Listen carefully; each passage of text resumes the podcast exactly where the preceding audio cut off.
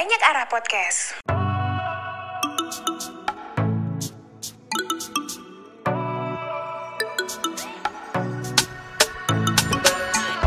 Oke, di podcast perdana gue yang harusnya jawabin pertanyaan-pertanyaan kalian udah masuk ke Instagram itu masih ketunda nguploadnya karena ngeditnya cukup lama. Ya podcastnya aja sekitar satu jam, satu jam lebih. Padahal cuman jawab-jawabin pertanyaan kalian doang. Tapi kali ini aku ke, malah ke trigger buat ngoceh soal kondisi di Papua saat ini. Yang menurut gue kondisi sekarang itu lagi banyak krisis, krisis sosial, politik, bisa aja krisis budaya, krisis kebangsaan, krisis HAM, iya benar krisis HAM terjadi di Papua. Krisis sumber daya alam dan masih banyak lagi. Mungkin beberapa pendapat yang akan gue kemukain ini gue bagi menjadi tiga segmen. Segmen pertama dari sisi segmen sosial dan sisi mungkin dari sisi gimana kita kalau menempatkan diri sebagai orang Papua di sana. Kita balik sebentar ngelihat sejarah di mana peristiwa tahun 1965 ada terjadi pembantaian besar-besaran. Harus kita akui pembantaian ini pembantaian terorganisir terhadap simpatisan Partai Komunis. Jutaan manusia menjadi korban. Coba dipikir lagi, apakah ini benar-benar perang ideologi atau enggak? Tahu ada perang bisnis di situ. Kemungkinan perang bisnis itu ada. Indikasinya bisa kita lihat dari fakta sebelum dan sesudah tragedi itu terjadi. Kenanya di mana?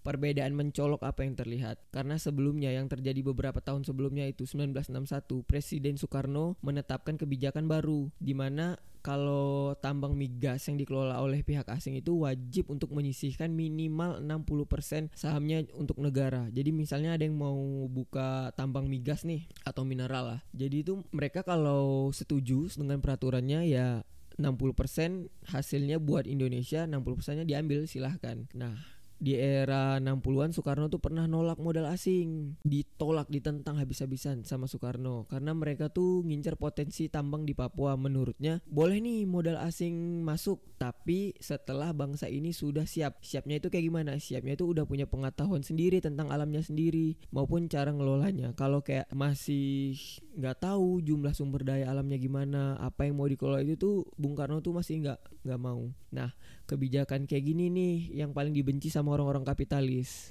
kenapa kayak kayak kayak kayak gini nih kebanyakan ya berideologi kerakyatan atau kita biasa bilangnya tuh orang yang suka baca kekirian. Mereka ini sering ngerecoki pemimpin-pemimpin negara lain yang sulit dirayu. Ya udah, kayak elit-elit kapitalis ya bakal ngelakuin apa pun buat ngejatuhin pemimpin tersebut. Singkatnya terjadilah peristiwa itu. Soekarno dijatuhkan, digulingkan. Nah, sangat kuat nih indikasi keterlibatan intelijen Amerika dan Inggris dalam aksi pembantaian masal tersebut. Dan kita juga udah bisa banyak kok nemuin di internet kayak kajian-kajian jurnal-jurnal yang membahas tentang ini nih kayak mungkin gak sih uh, konflik pada saat itu tuh memang ada campur tangan asing atau enggak. Nah, kalian bisa cari sendiri. Nah, di tahun pertamanya nih uh, kekuasaan presiden yang yang baru Pak Soeharto undang-undang baru membebaskan pengusaha asing mengeruk aset alam Indonesia. Nah, dia ner nerbitin undang-undang baru nih dari sekian banyak aset yang dibicarakan, yang dicanangkan dan yang istilahnya aset-aset strategis lah. Nah, pengusaha asing nih fokus ke Papua, ngincar Papua. Dari data yang didapat kalau kalau kalian mau coba nyari sendiri itu kayak kita bisa tahu loh siapa aja penikmat kekayaan Papua. 81,28% itu untuk Freeport. 9,36% itu untuk Indocopper Investama perusahaan Bakri yang yang sekarangnya udah dibeli sama Freeport. 9,36 persennya untuk pemerintah. Nah, sekarang kita mikir aja nih ya di Gasberg di Gasberg Papua nih kandungan tembaganya aja 18 juta ton. Peraknya 3.400 ton emas ada 40,9 40,9 ton. Konon katanya nih, nah dengar-dengar katanya kalau kita ngitung baru dari tembaganya aja nih, dari tembaga aja aja PT Freeport bisa menghasilkan sekitar 1.600 triliun lah kurang lebih. 1.600 triliun rupiah. Coba kita bagi uh, cari di Google berapa jumlah penduduk Papua sekarang itu kalau dibagi sama seluruh penduduk Papua maka satu orang bisa nyaris menerima 5 sampai 6 miliar rupiah. Masuk akal nggak? Gila pulau sekaya itu. Satu orangnya dapat 6 miliar. 5 miliar lah hitung itu baru dari dari tembaga nah belum yang lain-lain bandingkan dengan fakta fakta yang sekarang kayak kayak gimana sih kondisi rakyat Papua saat ini? Coba kalian bandingin. Nah umum yang kayak kayak gitulah kayak perusahaan asing beroperasi di sini tuh ya pasti ada kerjasama dengan TNI dan Polri. Kayak Privat tuh pasti bekerja sama dengan TNI Polri dalam dalam hal keamanan. Kayak selama menjaga aset Privat aparat tuh cenderung lebih brutal terhadap penduduk setempat.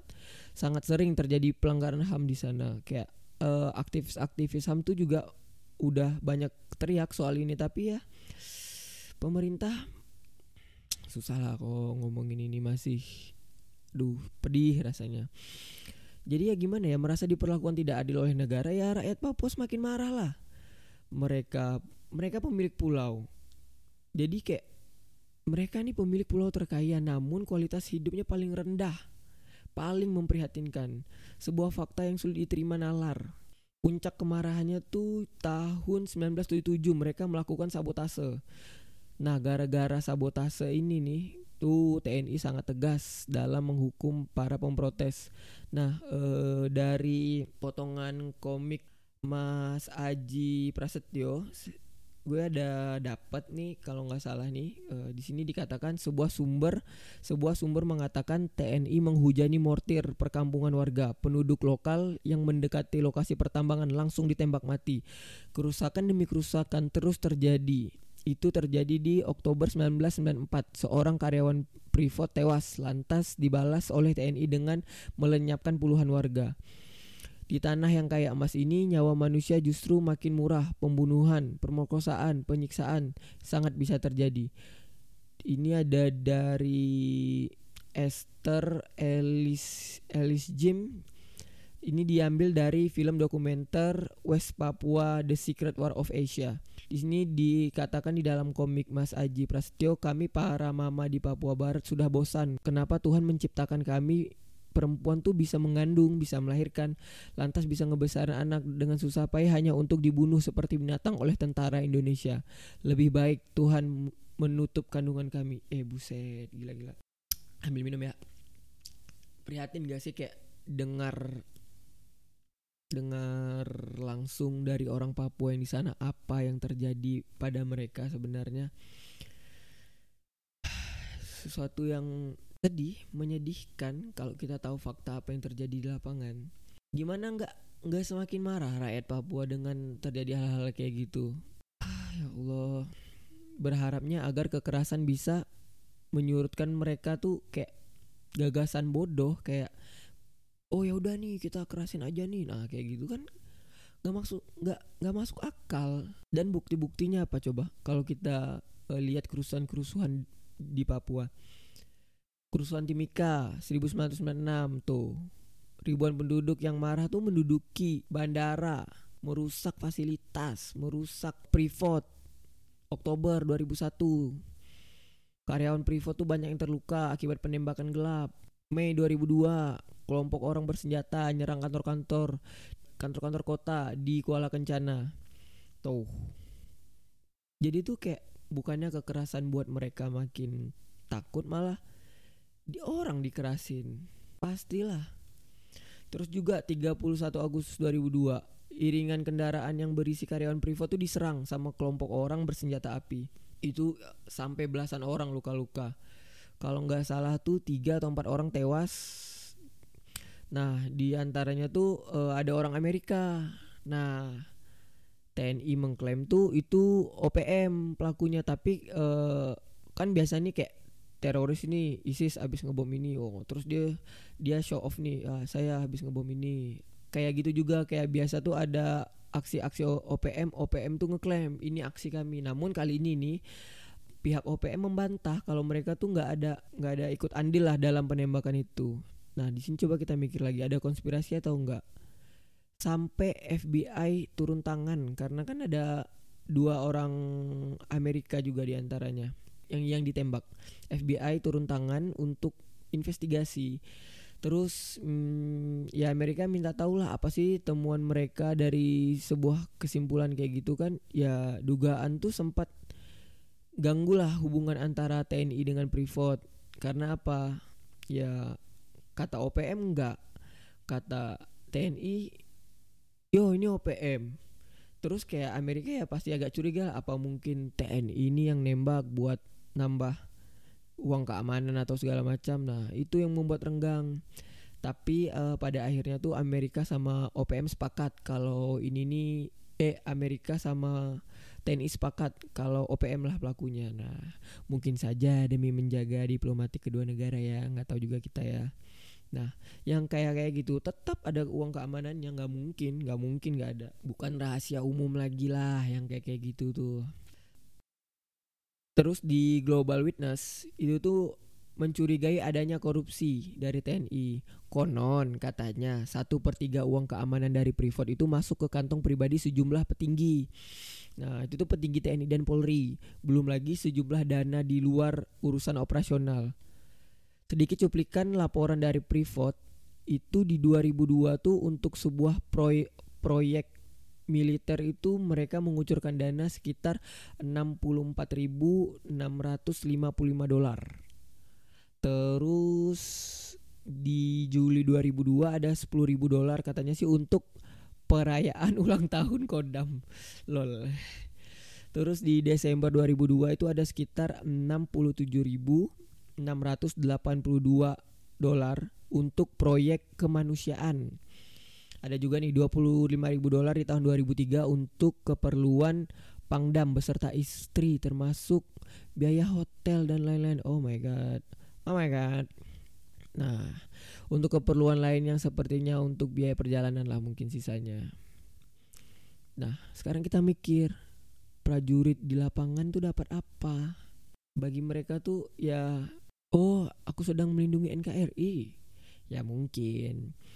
Terus apa yang dicekoki petinggi-petingginya? Pastilah buktikan kalian pada negara. Harus berbakti pada negara ayo.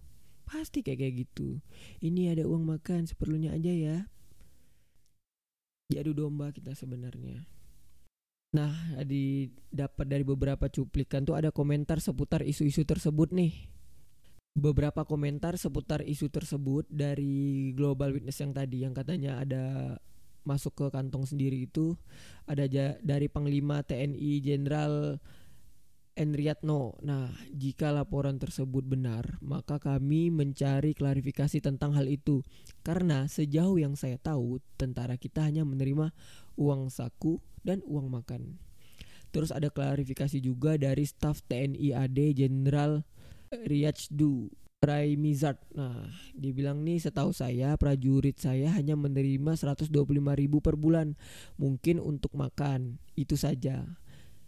Dia nggak tahu soal eh, dana lain, sepeser pun nggak tahu. Nah, kalau kata Bang Munir, perwira senior tidak mampu mengendalikan apa yang dilakukan bawahan mereka. Nah, TNI telah turun martabatnya menjadi sekelompok para militer yang dibayar untuk melindungi kepentingan privat. Aduh, jadi kangen Bang Munir. Maret 2006, demonstrasi mahasiswa Papua memprotes tewasnya ribuan rakyat Papua semenjak adanya privat dan tercemarnya ratusan ribu hektar tanah dan sungai akibat limbah beracun. Ya wajar lah kayak mereka pas gimana sih? Pasti mereka marah. Kayak kita kalau punya kampung halaman tempat tinggal sendiri kayak tanahnya jadi rusak airnya beracun gimana nggak demo? Demonstrasi ini berakhir ricuh. Empat orang polisi empat orang polisi anti huru hara dan seorang intelijen TNI AU tewas di amuk masa. Orang pasti ngamuk lah. Kayak kalau kejadian-kejadian kayak gini ini udah emang udah tidak bisa terelakkan. Setiap terjadinya konflik para serdadu inilah yang yang diterjunkan yang diterjunkan maju untuk menghadapinya pasti atasannya bilangnya maju nih nah urus kayak kayak gini. Yang mati ya golongan kita juga. Yang demo golongan kita juga. Yang menghadapi golongan kita juga. Ya benar-benar kayak bunuh-bunuhan sama saudara kita. Ironisnya para serdadu itu mereka mereka pikir tuh mereka udah mati demi negara. Padahal mereka mati demi kekayaan pengusaha asing, segelintir pejabat Senayan, komandan yang selama ini mereka hormati dan patuhi basi. Aduh gini ya kalau kalau kita pikir-pikir lagi nih balik lagi ke pendiri-pendiri negara kita. Sebenarnya tuh coba kalian baca literatur atau kajian-kajian sejarah tentang bangsa Indonesia nih. Hampir semua pendiri bangsa Indonesia nih hampir semuanya mungkin 90% berpemahaman nas nasionalis kiri. Contohnya siapa? Soekarno Hatta Cokro Aminoto dan lain-lain tuh memang ya rata-rata tuh kekirian mereka kerakyatan Bahkan Soekarno ini pernah bilang jika engkau mengaku anak Bung Karno, aku tidak rela punya anak yang tidak kiri. Toh, emang orang kiri. Itu tuh semua karena ya kita didoktrin di bangsa ini didoktrin untuk antipati terhadap segala ideologi kiri. Cuman cuman baca buku, baca buku kekirian aja sampai ya dituduh PKI lah, ditangkap lah, buku-bukunya disita. Menurut gue it's okay aja kalau lo mau baca buku-buku yang kekirian selama lo tidak menerapkan paham tersebut di sini. Tapi memang kita memang didoktrin untuk untuk antipati terhadap segala ideologi kiri. Karena nih ya memang karena paham kiri menentang jurang sosial yang terlalu dalam. Kayak benar-benar buku yang kekirian ini benar-benar benci banget benci banget sama gap ekonomi yang gede, gap ekonomi yang terlalu jauh. Kalau orang-orang ya kayak istilahnya ya prajurit-prajurit kecil TNI, Polri itu tahu akan hal itu, ya mereka nggak mungkin lah patuh sama jenderal-jenderalnya kayak gitu kayak siapa yang mau dipimpin nasib mereka kayak gitu bisa bisa batal lah segala proses kekapitalisan ini. Ya nggak ada yang mau turun ke lapangan nggak ada yang mau jaga privat nggak ada yang mau jaga posko segala macem. Kalau warga mau recok ya udah habis. Di satu sisi ada bisnis yang menciptakan pelanggaran ham di sisi lain ada yang menggunakan pelanggaran ham sebagai bisnis. Dan ya korbannya bisa siapa aja sambil minum bos jadi segmen pertama tuh dari seginya kayak gitu dulu deh. Oke, lanjut di segmen kedua. Segmen kedua ini hmm, lebih menjelaskan kayak gimana sih uh, manajemen bisnis dalam menjalankan negara dan mengambil keputusan lah. Soalnya ini kan kayak krusial banget, tapi sekali lagi cuman mau ngasih pandangan aja. Jadi gini, coba kita merenung deh sejenak berpikir kayak betapa beruntungnya sih negara Indonesia nih memiliki Papua dengan segala kekayaan alam yang bisa kita keruk. Ya enggak? Nah, lanjut. Sebelum lanjut nih uh, boleh boleh dong uh, gue nunjukin beberapa cerita sedikit lah. Cerita sejarah di masa lalu yang bisa yang ada kemiripan dengan kasus di Papua saat ini. Sekarang kalau kita buka buku sejarah oke okay deh kalau malas buka buku cari cari Google cari di Google. Cari yang namanya Lauren Kabila. Siapa dia? Siapa Lauren Kabila ini? Lauren Kabila itu bisa dibilang seorang pemberontak seorang rebel kalau yang namanya pemberontakan pasti memerlukan dana yang cukup besar dalam setiap aksinya dari mana dia mendapatkan uh, dana buat aksi-aksi pemberontakannya. Nah, akhirnya dapatlah dukungan dari negara Kanada. Seluruh biaya biaya pemberontakan dibantu oleh Kanada dan akhirnya pada tahun 1991 berdirilah negara yang namanya Republik Demokrat Kongo. Jadi nih Republik De Demokrat Kongo. Siapa presiden pertama? Udah bisa dipastikan lah. Ya, Laurent Kabila lah presiden pertamanya. Terus apakah dukungan dari Kanada itu gratis? Tentu tidak, bosku apa yang harus uh, Republik Demokrat Kongo bayar untuk Kanada? Yang dibayar itu adalah tambang kobalt. Nah, seluruh tambang kobalt milik Republik Demokrat Kongo menjadi milik Kanada sampai habis asetnya. Sampai habis. Asyik, betul, mantul. Jadi itu modal ini berontak berontak berontak. Selesai ya nggak gratis.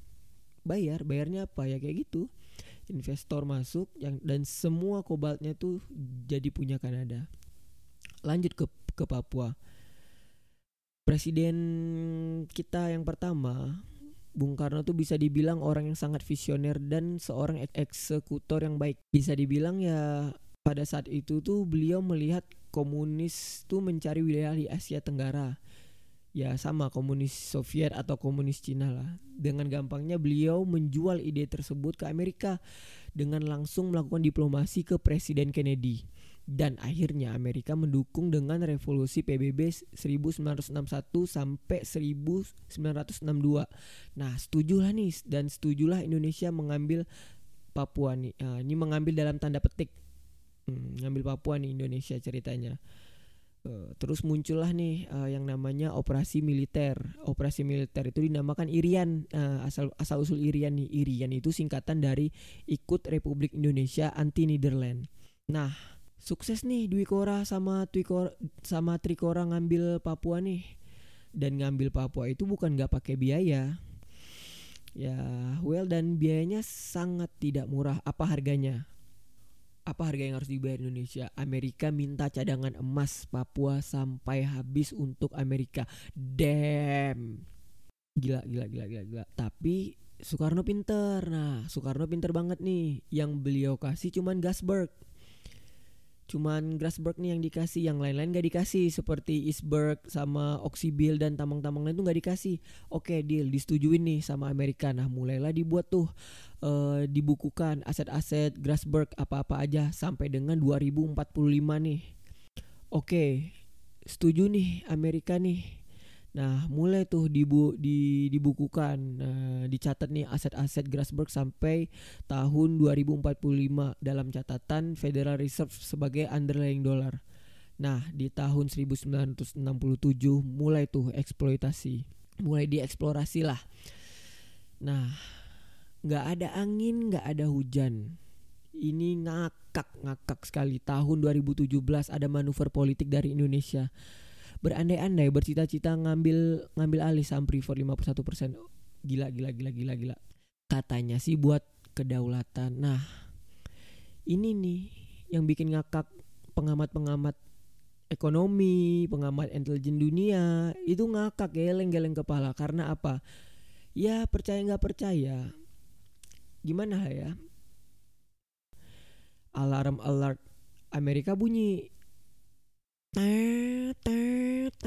nah oh bahaya nih bahaya. Bunyi dong gila. Makanya pada saat itu juga Indonesia masuk dalam nation threat bagi Amerika. Ya tindakan Indonesia bagi Amerika saat itu mengancam Amerika lah.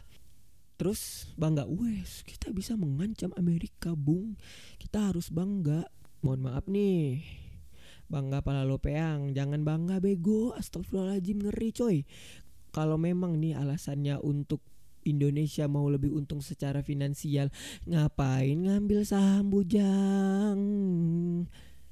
Coba pikir ngapain harus beli saham? Ngapain harus ngambil saham? Kenapa sih bisa kepikiran kayak gitu? Kayak ada yang bisa kita lakukan tanpa per, tanpa harus beli saham tanpa harus ngambil 51% kayak gimana? Ya tinggal naikin aja lah pajaknya ya Allah. Gitu doang tanpa modal bisa untung nggak perlu setor-setor. Terus kenapa kita harus investasi? Kenapa kita kenapa kita harus invest besar di dunia tambang? Kayak tambangnya tambang dalam lagi. Coba pikir-pikir deh kira-kira ini ide siapa? Masuk akal atau enggak? Kayak kita dengan mudahnya bisa naikin pajak dan kita lebih milih ngambil alih saham 51% dan itu buat kita tuh udah diwanti-wanti sama Amerika. Kita kita ini bisa dijadiin ancaman sama sama Amerika. Atau atau ada yang bisikin kali. Nah mana kita tahu ya kan ya? Mungkin. Ya nggak tahu lah. Atau mungkin ada negara lain kali yang sponsor. Kita nggak tahu. Tapi ini ini salahnya dan ya Allah. Ini salahnya keterlaluan sih. Kelihatan banget kita nggak paham sejarah. Kayak negara itu punya kekuatan yang maha dahsyat yang namanya pajak nggak mesti kita ngambil sahamnya kayak serius kayak ya, ya udah naikin pajaknya aja. Ya jelas lah ini bikin Amerika marah. Bahkan senator Amerika McCain itu kasih teguran langsung coy pakai pakai surat yang mengatakan Indonesia kamu nakal sampai dikasih surat teguran langsung. McCain McCain inilah seorang senator Amerika dari Arizona kalau nggak salah ya dari Arizona. Nah Arizona itu tempat Freeportnya McMoran. Nah Freeportnya McMoran ini nih nyumbang pajak gede banget buat negara bagian tersebut buat si Arizona uh, negara bagian tersebut tuh banyak nerima pajak lah dari McMoran dari Freeportnya McMoran kalau diganggu dengan serangan 51 persen coba 51 persen pemerintah nyerang ya jelas dong ini jadi ancaman buat Arizona. Padahal deal op operationnya Irian itu udah udah sangat jelas ya kayak emas Grasberg itu memang udah jadi bagian Amerika. Sebagai senator Republik yang dia penyokong Trump bersama pemilik Freeport yang juga uh, pendana Donald Trump juga yaitu Carl Iksan Iksan kalau nggak salah. Seorang dia itu Yahudi Ortodok nah dia tuh ya jelas dia ini menekan Gedung Putih untuk melakukan aksi 212 eh bukan. Bukan bukan bukan bukan. Ya aksi aksi lah. Diganggu kan ya. Masa mereka diem aja gitu kan. Adakah operasi-operasi intelijen yang dilaksanakan untuk membangun in instabilitas di Papua? Ada nggak kira-kira ya? Kita nggak tahu. Antara iya dan enggak nih. Nah jadi pertengahan 2017 Amerika tuh udah gerah dan mulai melakukan instabilitas di Papua. Jadi instabilitas di Papua tuh udah meningkat. Apa benar Amerika yang bergerak? Kita nggak tahu kan ya. Iya atau enggak terus atau kelihatannya konflik di Papua ini konflik lokal ini hanya karena Indonesia dan pemerintah pusatnya tidak bisa menghandle. Atau ada unsur asing. Atau terus kenapa kenapa tiap tanggal 2 Desember pas hari bintang kejora gerakan Papua Merdeka itu nah mau tahu nggak kemarin tuh eh, 18 negara ngibarin bendera itu. Siapa yang mainkan ini semua? Amerika kah? Negara lain kah? Ya mana saya tahu, saya kan nggak tahu. Coba dipikir-pikir kan.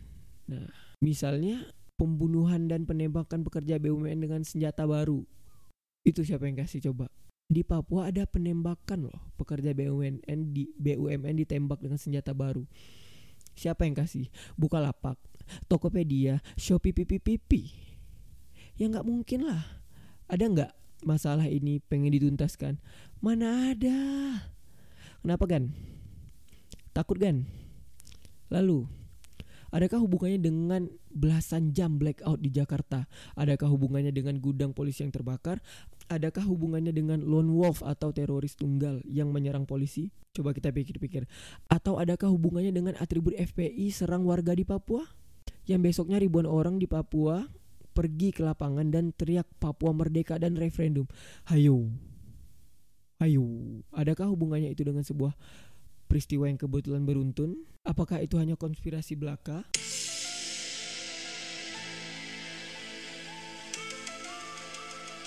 Hanya konspirasi? Aku pun tidak tahu. Karena aku tidak tahu. Mana saya tahu?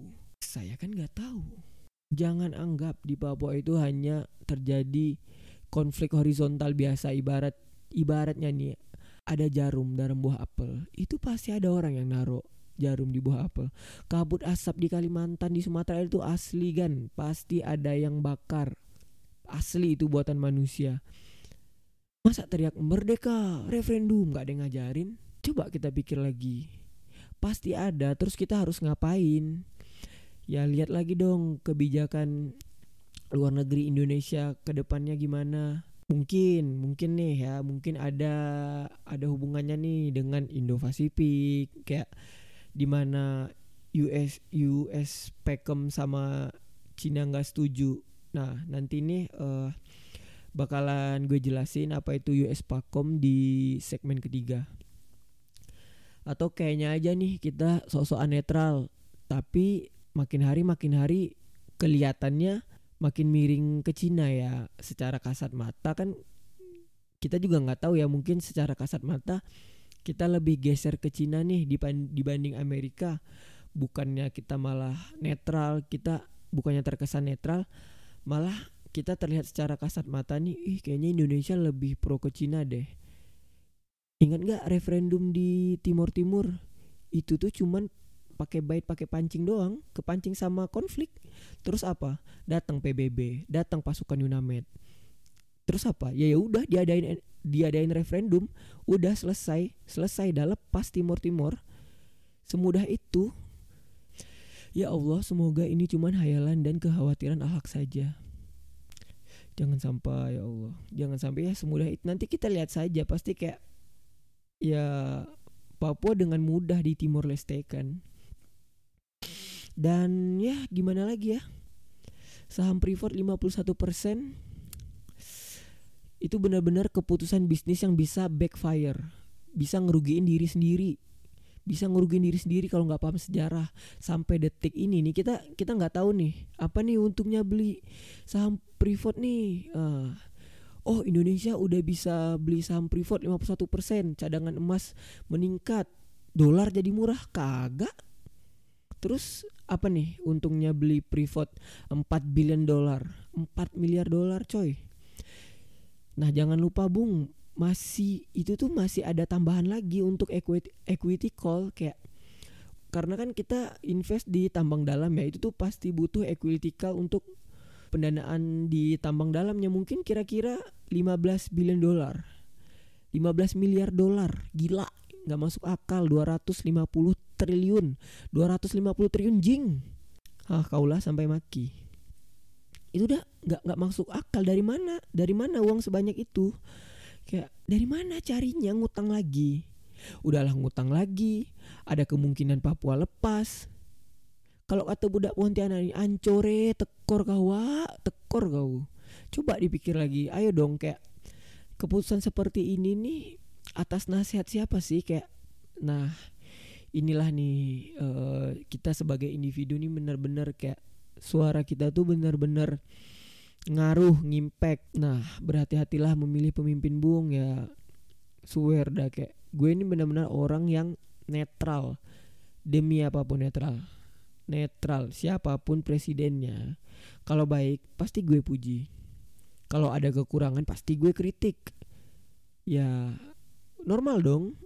Udah siapa pun presidennya ayolah mulailah benahi Papua dari dasar banget. Dari dasar banget ini benar-benar harus dibenahi. Sampai geopolitik dunianya pun harus dibenahi. Ya kita ini memang harus ngopi dulu lah sama Amerika nih biar biar santai dulu. Kayak ayolah bung ngobrol dulu bung. Nah bahas-bahas prefer lagi bung. Oke gimana? Sampai sini udah ada gambaran belum? Ya apa sih yang udah terjadi di Papua? Sambil minum bos Oke kita bakal lanjut ya ke segmen yang terakhir yaitu sesuai janji gue bakal bahas apa itu US Pakom dan ya well ini bakalan berhubungan banget ya Allah. Nah US Pakom ini nih armada Amerika ke-7 dia ini dia ini armada perang, armada perangkat perang, wilayah wil, wilayahnya luas nggak masuk akal, nggak masuk akal. Markas utamanya ini ada di Okinawa. US Pakom nih e, dipimpin sama Jenderal Bintang 4. Nah, wilayahnya nih dari San Diego. San Diego e, tar tar cek HP. Cek HP dulu bentar-bentar. Dari San Diego, Honolulu, Vanuatu sampai melewati Indonesia. Terus di selatannya di Indonesia selatannya tuh melewati Sri Lanka yang namanya tuh Diego Garcia Nah, kalau di sisi utaranya tuh Jepang, selatannya Australia. Nah, kira-kira itulah.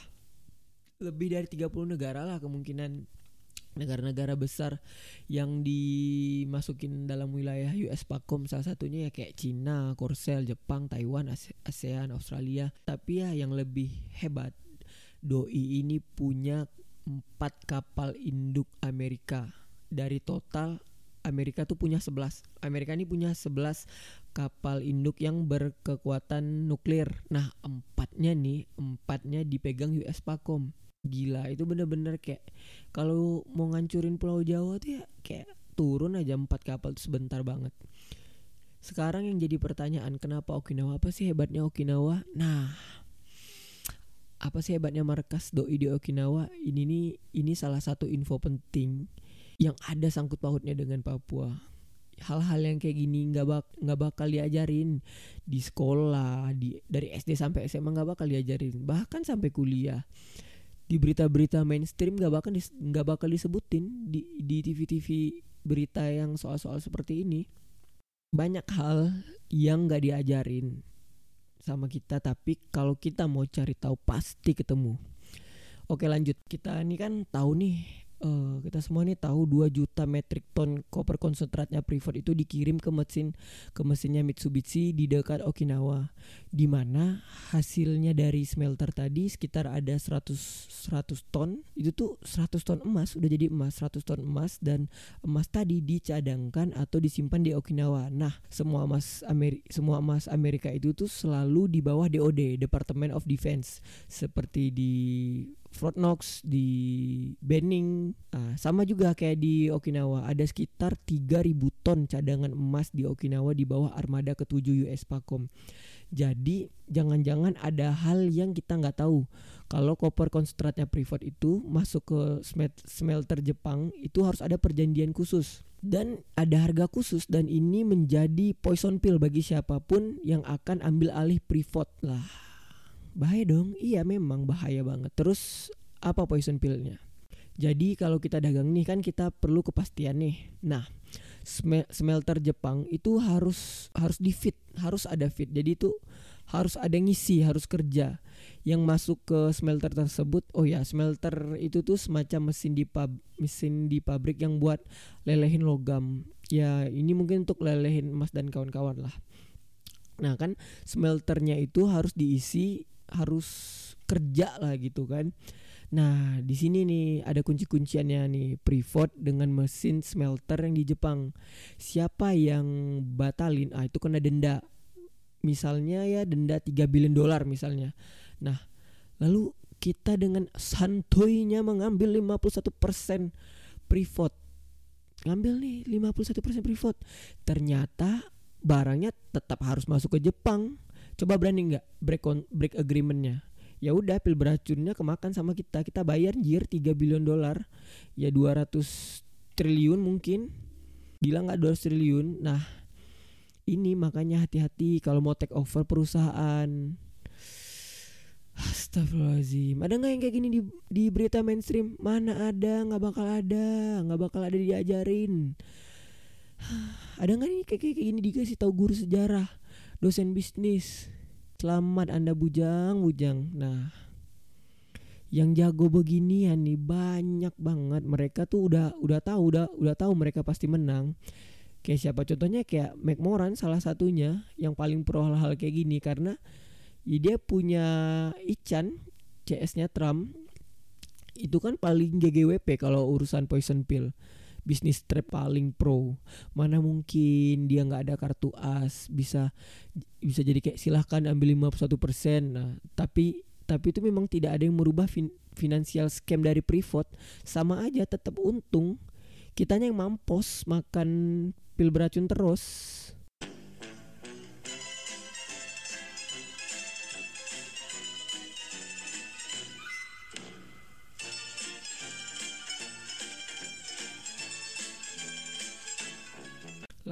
terus ya kayak gimana tuh? Mampus kena kerjain. Bingung kan? Jadi ya Allah semoga pejabat dan presiden kita nggak bodoh ya Allah. Amin. Ya bukan asal beli perusahaan pakai ngutang minjem pakai aset negara yang ujung-ujungnya nanti tahun 2021 nggak taunya ya nggak bisa balik nama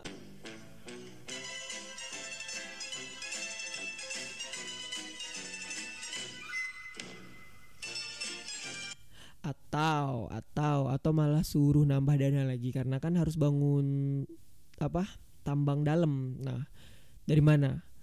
Pinjem duit lagi pinjem utang. Udah pinjem uang eh barangnya tetap ke Jepang.